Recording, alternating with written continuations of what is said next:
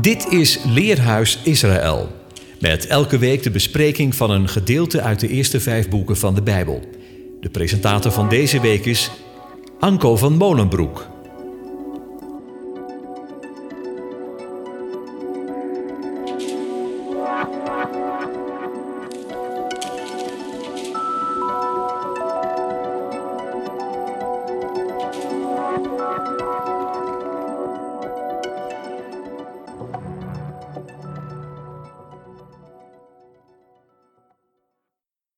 Beste luisteraars, van harte welkom in het Leerhuis. In deze dagen hoorden we niets anders dan de oproep: blijf thuis, houd afstand. Waar de ziekte rondwaart, brengt ze ons in een isolement. Over heel de wereld zitten mensen opgesloten in hun huis. Corona heerst als een koning. En de bestrijding ervan vraagt een bovenmenselijke inspanning. Tegelijk verstomt de discussie over het klimaat. Dat probleem lijkt ze nu vanzelf op te lossen. En 100 km per uur rijden is ook geen issue meer. Vele andere zaken verschuiven naar de achtergrond. Is er nog nieuws uit Syrië? Over vluchtelingen? Nee, die problemen zijn niet verdwenen. Andere rampen zoals bosbranden, ebola, hongersnoden, die tellen even niet meer. Mensen sturen elkaar bemoedigende berichten en bijbelteksten. Is het om onze angst te kunnen beteugelen? We roepen naar God we luisteren ook naar zijn roepen. Vele gelovigen trachten de gebeurtenissen te duiden of zelfs in te vullen. Is dit het begin van het einde? Op weg naar een eenwereldregering? Veel meer dan gissen is het vaak niet. O zeker, de stappen van de Messias worden gehoord. Hij is in aantocht. Alleen, wat blijft er van al deze bewogenheid over als de plaag voorbij is? Wij mensen moeten het erkennen. Wij zijn het probleem. Niets kan een mens afremmen. En nu zien we huid voor huid, alles wat iemand heeft, zal hij geven voor zijn leven. Nu komt het aan op barmhartigheid. Laten we deze Shabbat vooral verstillen en luisteren, luisteren naar de Torah.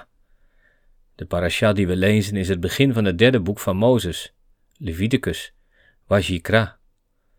De parasha heet ook zo, en dat betekent en hij roept. Het werkwoord is kara. De koof is het oog, de rees is het hoofd of degene die eerder zijn, en de alef is de eersteling. Wie roept, vraagt je aandacht. Richt je oog op degene die je voorgaan naar de ene. Roepen kan ontbieden zijn, maar ook uitnodigen. Ziet u, luisteraar, in de tijd dat wij binnen moeten blijven en afstand moeten houden tot elkaar, roept de eeuwige. Hij roept Mozes bij zich, omdat hij wat te zeggen heeft. De aanwezige riep Mozes en sprak tot hem vanuit de tent van ontmoeting. Leviticus is het boek van de nadering tot de eeuwige. Nader tot mij en ik zal tot u naderen. En als u komt tot de aanwezige, dan mag u niet met lege handen komen. Dan brengt u een korban mee, een offergave. Ook het woord korban begint met de koof en de rees, net als bij kara, roepen. De laatste twee letters zijn de beet en de noen. De noen wijst ons op de voortgang van het leven na het leven, op de wereld die komt. Korban komt van karaaf, naderbij brengen, presenteren of aanbieden. Wat moet er naderbij gebracht worden? Dat is het lichaam. Ik zal nog een keer bij het begin beginnen. Toen de eeuwige de wereld schiep, schiep hij een huis voor zichzelf. Daarom begint de Bijbel ook met de beet, huis. Bereshit bara. De overlevering zegt dan dat zijn heerlijkheid, de Shegina, in ballingschap ging. De eeuwige is de ene. In hem en door hem en tot hem zijn alle dingen. De ballingschap, het leven in de wereld, is de tweeheid. In mijn voorgaande aflevering heb ik dat ook al eens uitgelegd. Egypte, Mizraim, is de dubbele engte. En daarom is er een diep verlangen in de schepping om tot eenheid te komen. God is een geest. Geest en lichaam horen bij elkaar zoals inhoud en vorm. De mens is geschapen in het beeld van God. Hij is het lichaam. En daarom kent de mens ook een diep verlangen naar de schepper, om van de twee naar de één te gaan. En hij roept, zodat wij zullen naderen. En daarvoor is een offergave noodzakelijk. Een korban wijst dus op die eenwording, de vereniging tussen God en mens. De offerdienst is een schaduwdienst. Een schaduw laat exact de vorm van een voorwerp zien. Dat wil zeggen, Het is een beeld van een onzichtbare werkelijkheid. Het spreekt tot onze verbeelding. Een mooie illustratie daarvan zijn de hoornen van het altaar. Horen is keren, kof, resh, noen. En als je goed hebt opgelet, is dat bijna hetzelfde als korban. Het enige verschil is dat de beet verdwenen is. De beet, dat is het huis, de twee. In Parasha Vayikra leren we over vijf soorten offers. Net als bij de instructies voor de bouw van de tabernakel is de volgorde weer gezien vanuit de eeuwige. Eerst het brandoffer, het offer van de volledige toewijding. Het laatste is het schuldoffer. Hoe komen we weer met God in het reine? De volgorde van de mens is precies andersom, van het schuldoffer naar het brandoffer. Nu, luisteraar, het thema ligt voor de hand. En hij roept. En roepend vraagt hij allereerst om een volledige overgave. Hij vraagt ook om een volledige omkering. En we gaan allereerst het brandoffer zien en daarna het schuldoffer.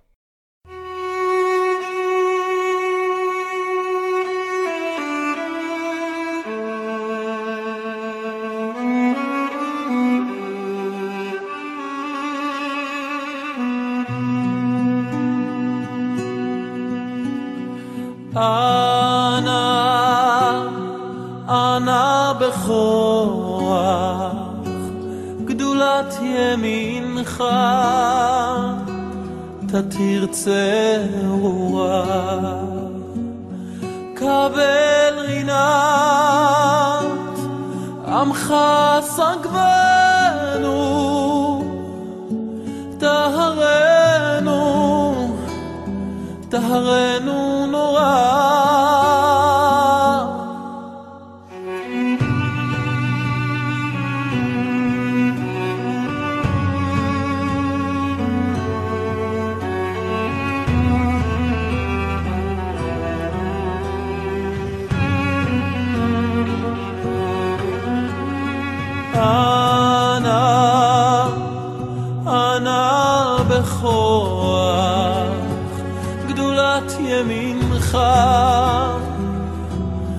תתרצה רוח. קבל רינת,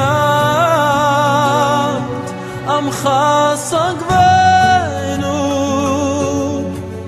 טהרנו, טהרנו נורא. אנא בכוח גדולת ימינך.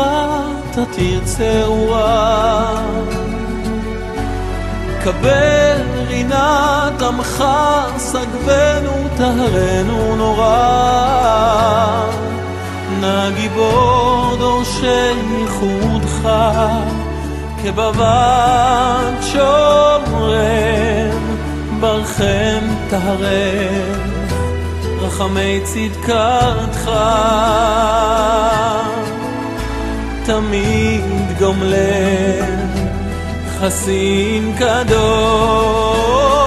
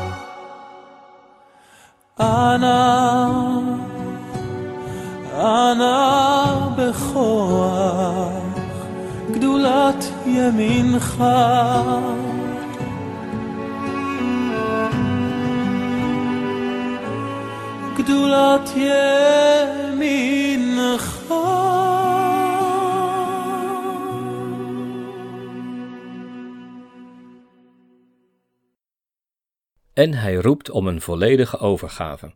Spreek tot de kinderen Israëls en zeg tot hen: Als een mens, Adam, uit u de Heere een offerande, een korban zal offeren, ge zult uw offerande offeren van het vee, van runderen en van schapen, een kudde runderen en een kudde schapen. Leviticus begint met de offers. En ik hoop niet dat u denkt, wel wat primitief. Al die dieren die worden geslacht. Ik zei net al, het korban wijst op de eenwording. Het lichaam wordt bij de ziel gebracht. En de dieren zijn het beeld van het lichaam. Vers 2 noemt runderen en schapen. En de woorden die worden gebruikt wijzen op kudden. In het Engels weergegeven met een herd en een flok. Een rund is een bakar, beet, koof, rees. En dat zijn dezelfde letters als karaaf, naderen. Zoon is het woord voor een kudde kleinvee. Tzadeh, alef, nun. De tzadeh is verbonden met crisis en beproeving. Het is ook de eerste letter van tzadik, een rechtvaardige. Ben je rechtvaardig of niet? De alef is de godsletter en verwijst naar de één. En weer komen we de noen tegen, de letter van de wereld die komt, de vijftig. Een kudde is een groep reizigers op weg naar de één, op weg naar de nieuwe wereld.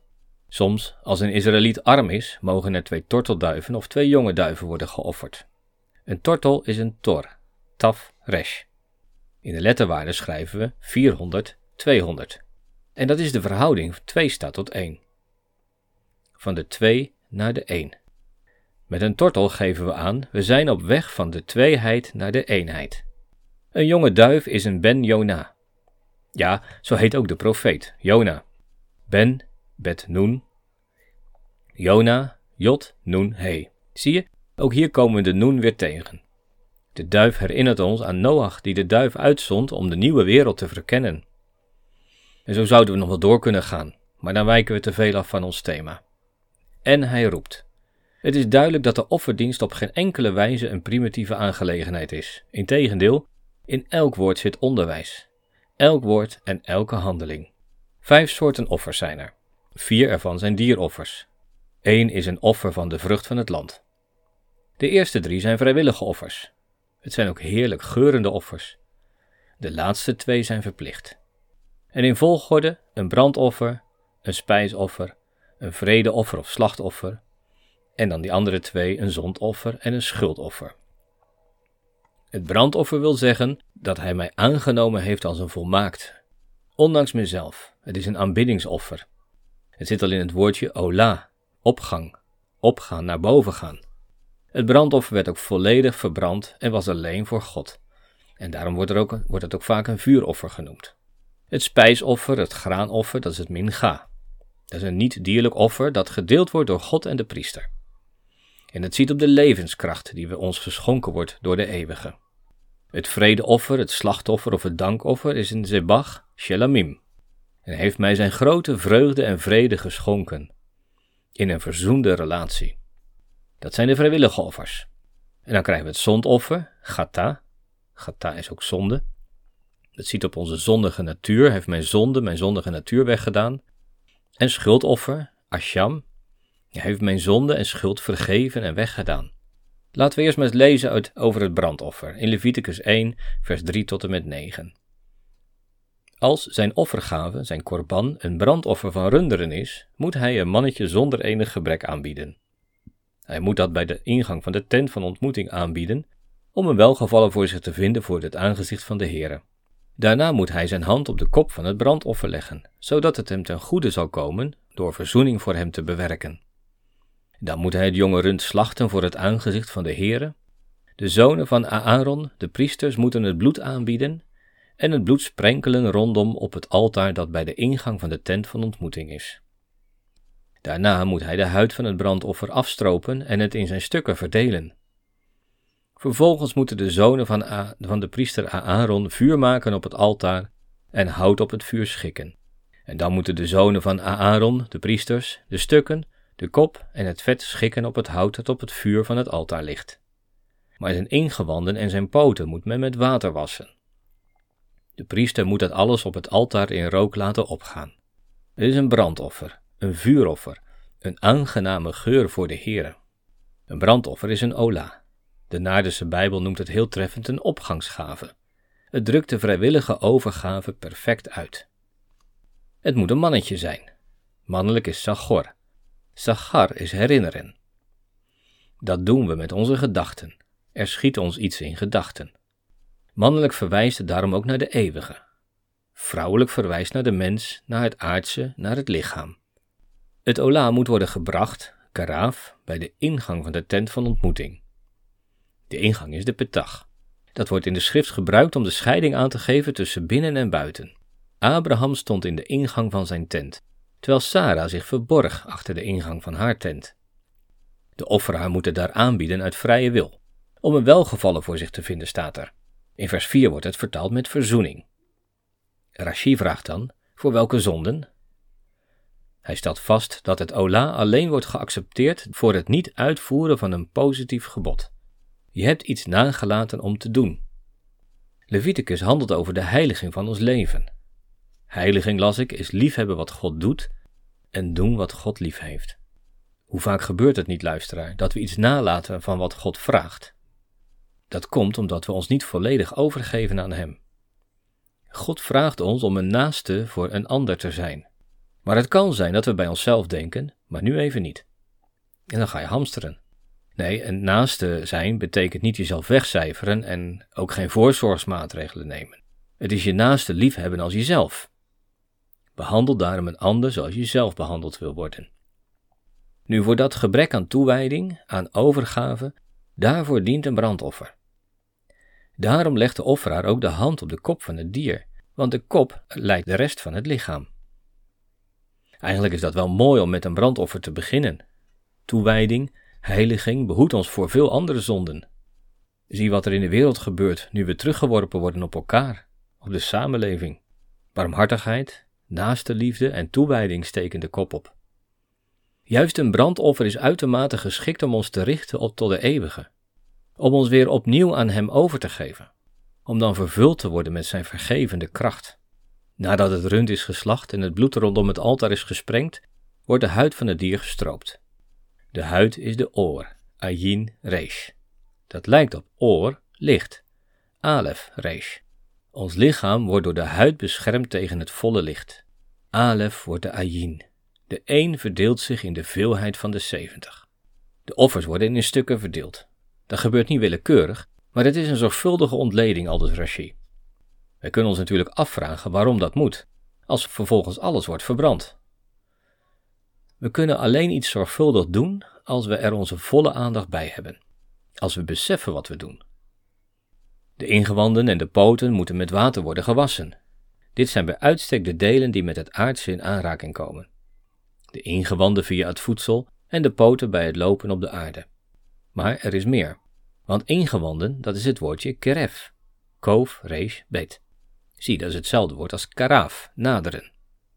Sarah houdt zich verborgen achter de petach van haar ohel, van haar tent, en als zij hoort dat zij een zoon zal krijgen, moet zij inwendig lachen. Kref.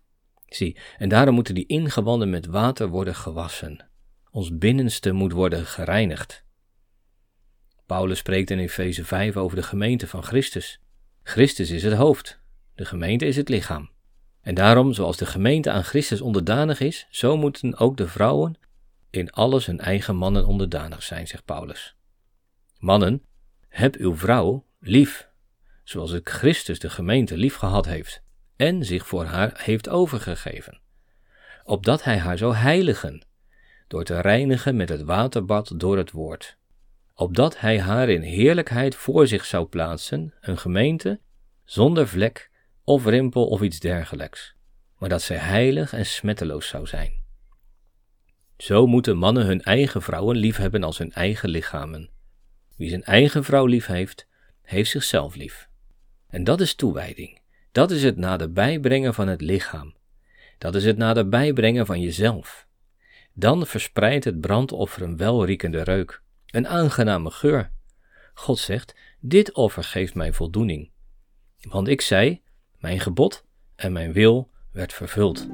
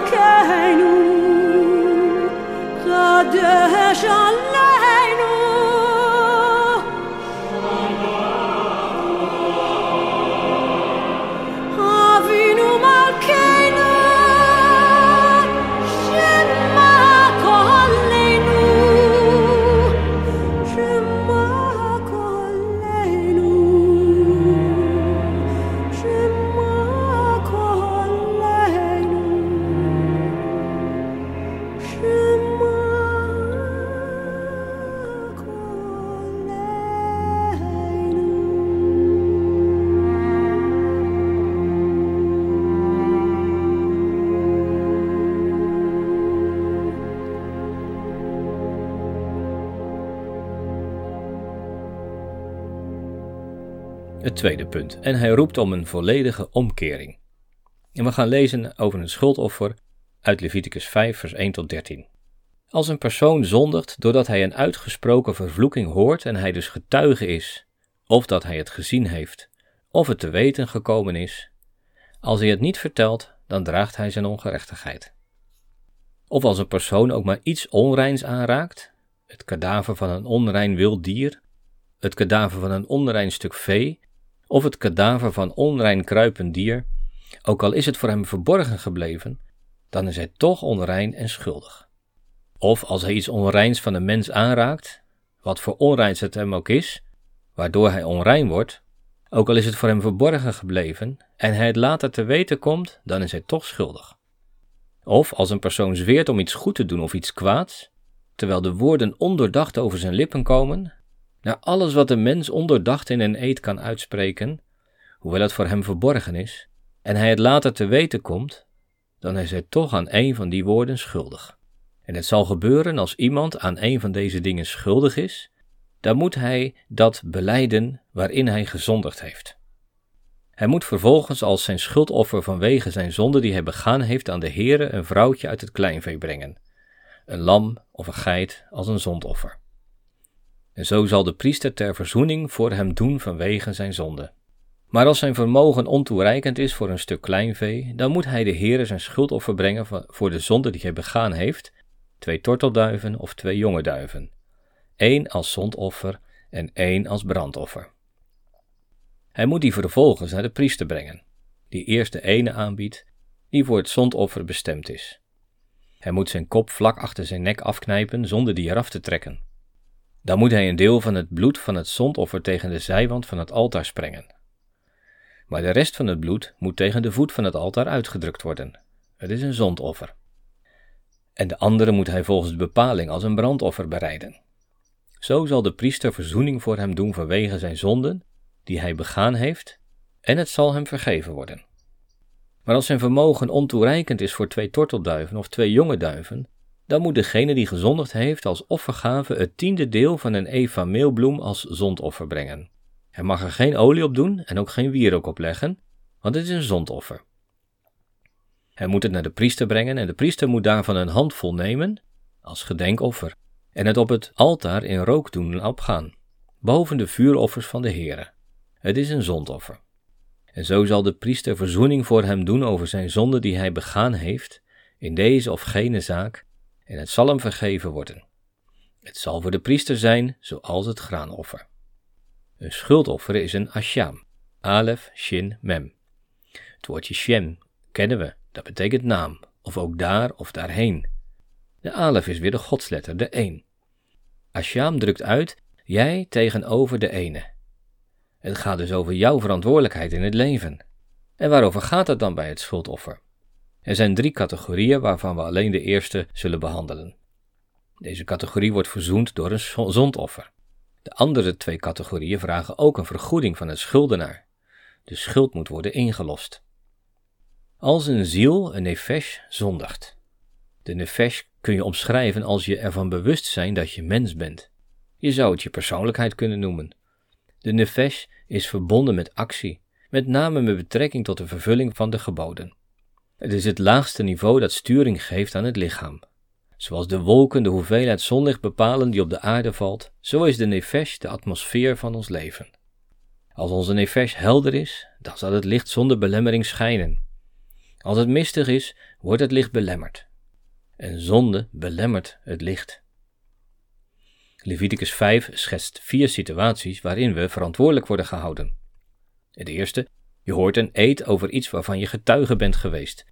Het zij dat je het gezien, het zij dat je het weet. Je wordt als het ware gezworen om het verborgen te houden. Als je iets niet zegt, dan ben je schuldig, zegt de Torah. Je raakt iets reins, onreins aan, een dood dier. En als je dan nadert tot het heiligdom, of je eet iets wat geheiligd is, dan sta je schuldig ook al wist je het niet. Je raakt een mens of iets van een mens aan dat onrein is. Leviticus 15 geeft daar nader onderwijs over. Er vloeien dan lichaamsappen, zoals bij een geslachtsziekte of bij de menstruatie. De vierde situatie is als je onderdacht een eed zweert om iets goeds of kwaads te doen.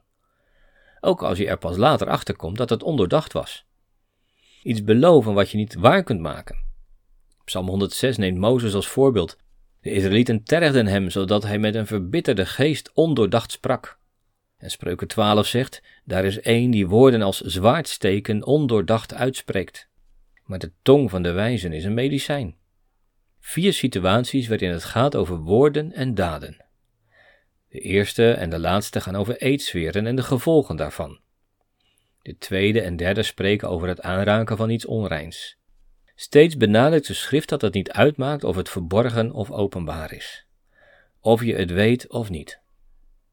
Luisteraar, zie je dat deze situaties zich elke dag in ons leven kunnen voordoen? Woorden en daden zijn onze verantwoordelijkheid tegenover de ene. Hoe vaak sta ik dan schuldig? En jij? En wat moet je dan doen? Nou, ook twee dingen: woord en daad. Beleiden waarin je gezondigd hebt. En twee, naderen. Weet u wat het woord voor beleiden is? Yada. En in een andere context betekent dat lofprijzen. In de erkenning dat ik fout zit, ligt ook de erkenning dat de eeuwige goed is. Vervolgens moet de schuldenaar een schuldoffer brengen. Een vrouwtje uit het kleinvee, een lam of een geit als zondoffer. Vrouwelijke dieren verwijzen naar het lichaam. Want de situaties die genoemd worden overkomen ons. Daarin zijn we passief, maar niet onschuldig. In de volgende twee categorieën van het schuldoffer gaat het juist om wat wij zelf doen. En dan is een mannetje, een ram vereist. En zo zie je ook in de voorschriften de wezenlijke betekenis naar voren komen. Als iemand geen lam of geitje kan betalen, dan mogen ook twee tortels of twee jonge duiven worden geofferd. We hebben de wezenlijke betekenis al toegelicht. De ene vogel is een zondoffer en de andere een brandoffer. Een zondoffer moet voorafgaan aan een brandoffer. De mondelinge leer zegt dan: waarmee kan dit worden vergeleken? Aan een voorbidder die het paleis binnengaat om de koning te sussen. Als hij hem eenmaal heeft gestild, komt het geschenk achter hem aan. Dat wil zeggen, eerst komt het zondoffer, dan komt het brandoffer als een geschenk. Als ook twee duiven niet tot de mogelijkheden van een schuldenaar behoort, dan mag er een korban van meelbloem worden gebracht, zonder olie, zonder wierook. Het is geen spijsoffer, maar een zondoffer. Een tiende deel van een eva is een omer. Dat staat er niet en daarom worden we verwezen en gewezen op de verhouding 1 staat tot 10. Ons handelen de 10 tegenover de 1. Bij meelbloem zijn de zemelen en de kiemen eruit gezeefd. De bedekking en de levenskiem is eruit. Van fijn meelbloem wordt witbrood gebakken. En het Hebreeuwse woord is solet. Samech, lamet, taf. De letterwaarden zijn 60, 30 en 400. Ook hier zien we weer de verhouding 2 staat tot 1 verschijnen. 60 staat tot 30 is 2 staat tot 1. En dat tot aan de 400. Dat is het einde van de tijd. Zo zal de Kohen, de priester, verzoening doen, kafar, bedekken, vanwege zijn zonde die hij begaan heeft en het zal hem vergeven worden. Luisteraar, de offers zijn niet een soort aflaat. U weet toch wel wat Samuel tot Sal zei, die met de dieren van de Amalekieten aan kwam zetten? Heeft de Adonai evenveel behagen in brandoffers en slachtoffers als in het gehoorzamen van de stem van Adonai? Zie, gehoorzamen is beter dan slachtoffer. En de profeet Hosea zegt, want ik vind vreugde in goede tierenheid en niet in offer. In kennis van God meer dan in brandoffers. Maimonides zegt dat gebed en meditatie boven offers van dieren gaat. En Yeshua onderstreepte deze woorden als hij zegt, leer wat het betekent, ik wil barmhartigheid en geen offer. Want ik ben niet gekomen om rechtvaardigen tot bekering te roepen, maar zondaars. Daarom, als God roept om te naderen, dan vraagt hij om een volledige overgave en een volledige omkering. En nu corona de mens, de nefesh, tot staan brengt, is het tijd om te knielen, te beleiden en lof te prijzen.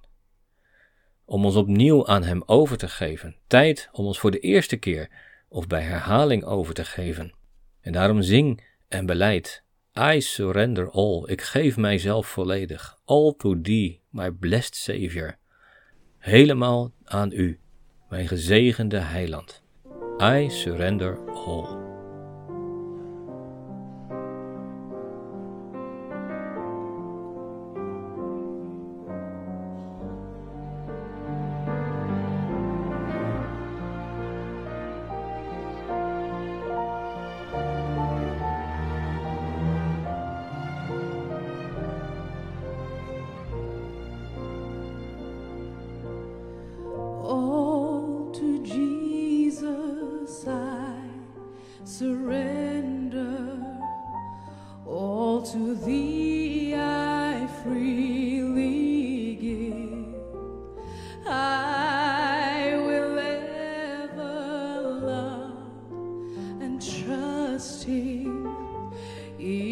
In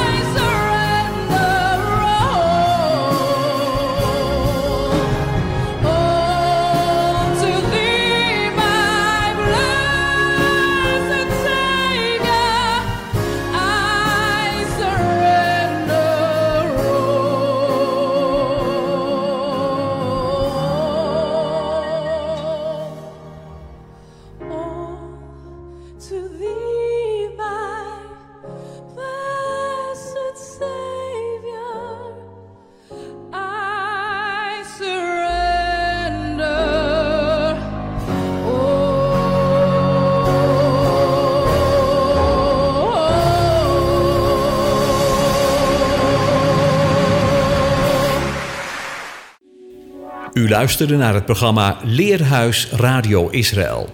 Een wekelijkse studie aan de hand van de Bijbelgedeelten die wekelijks door de Joodse gemeenschap worden gelezen. Heeft u een vraag of opmerking?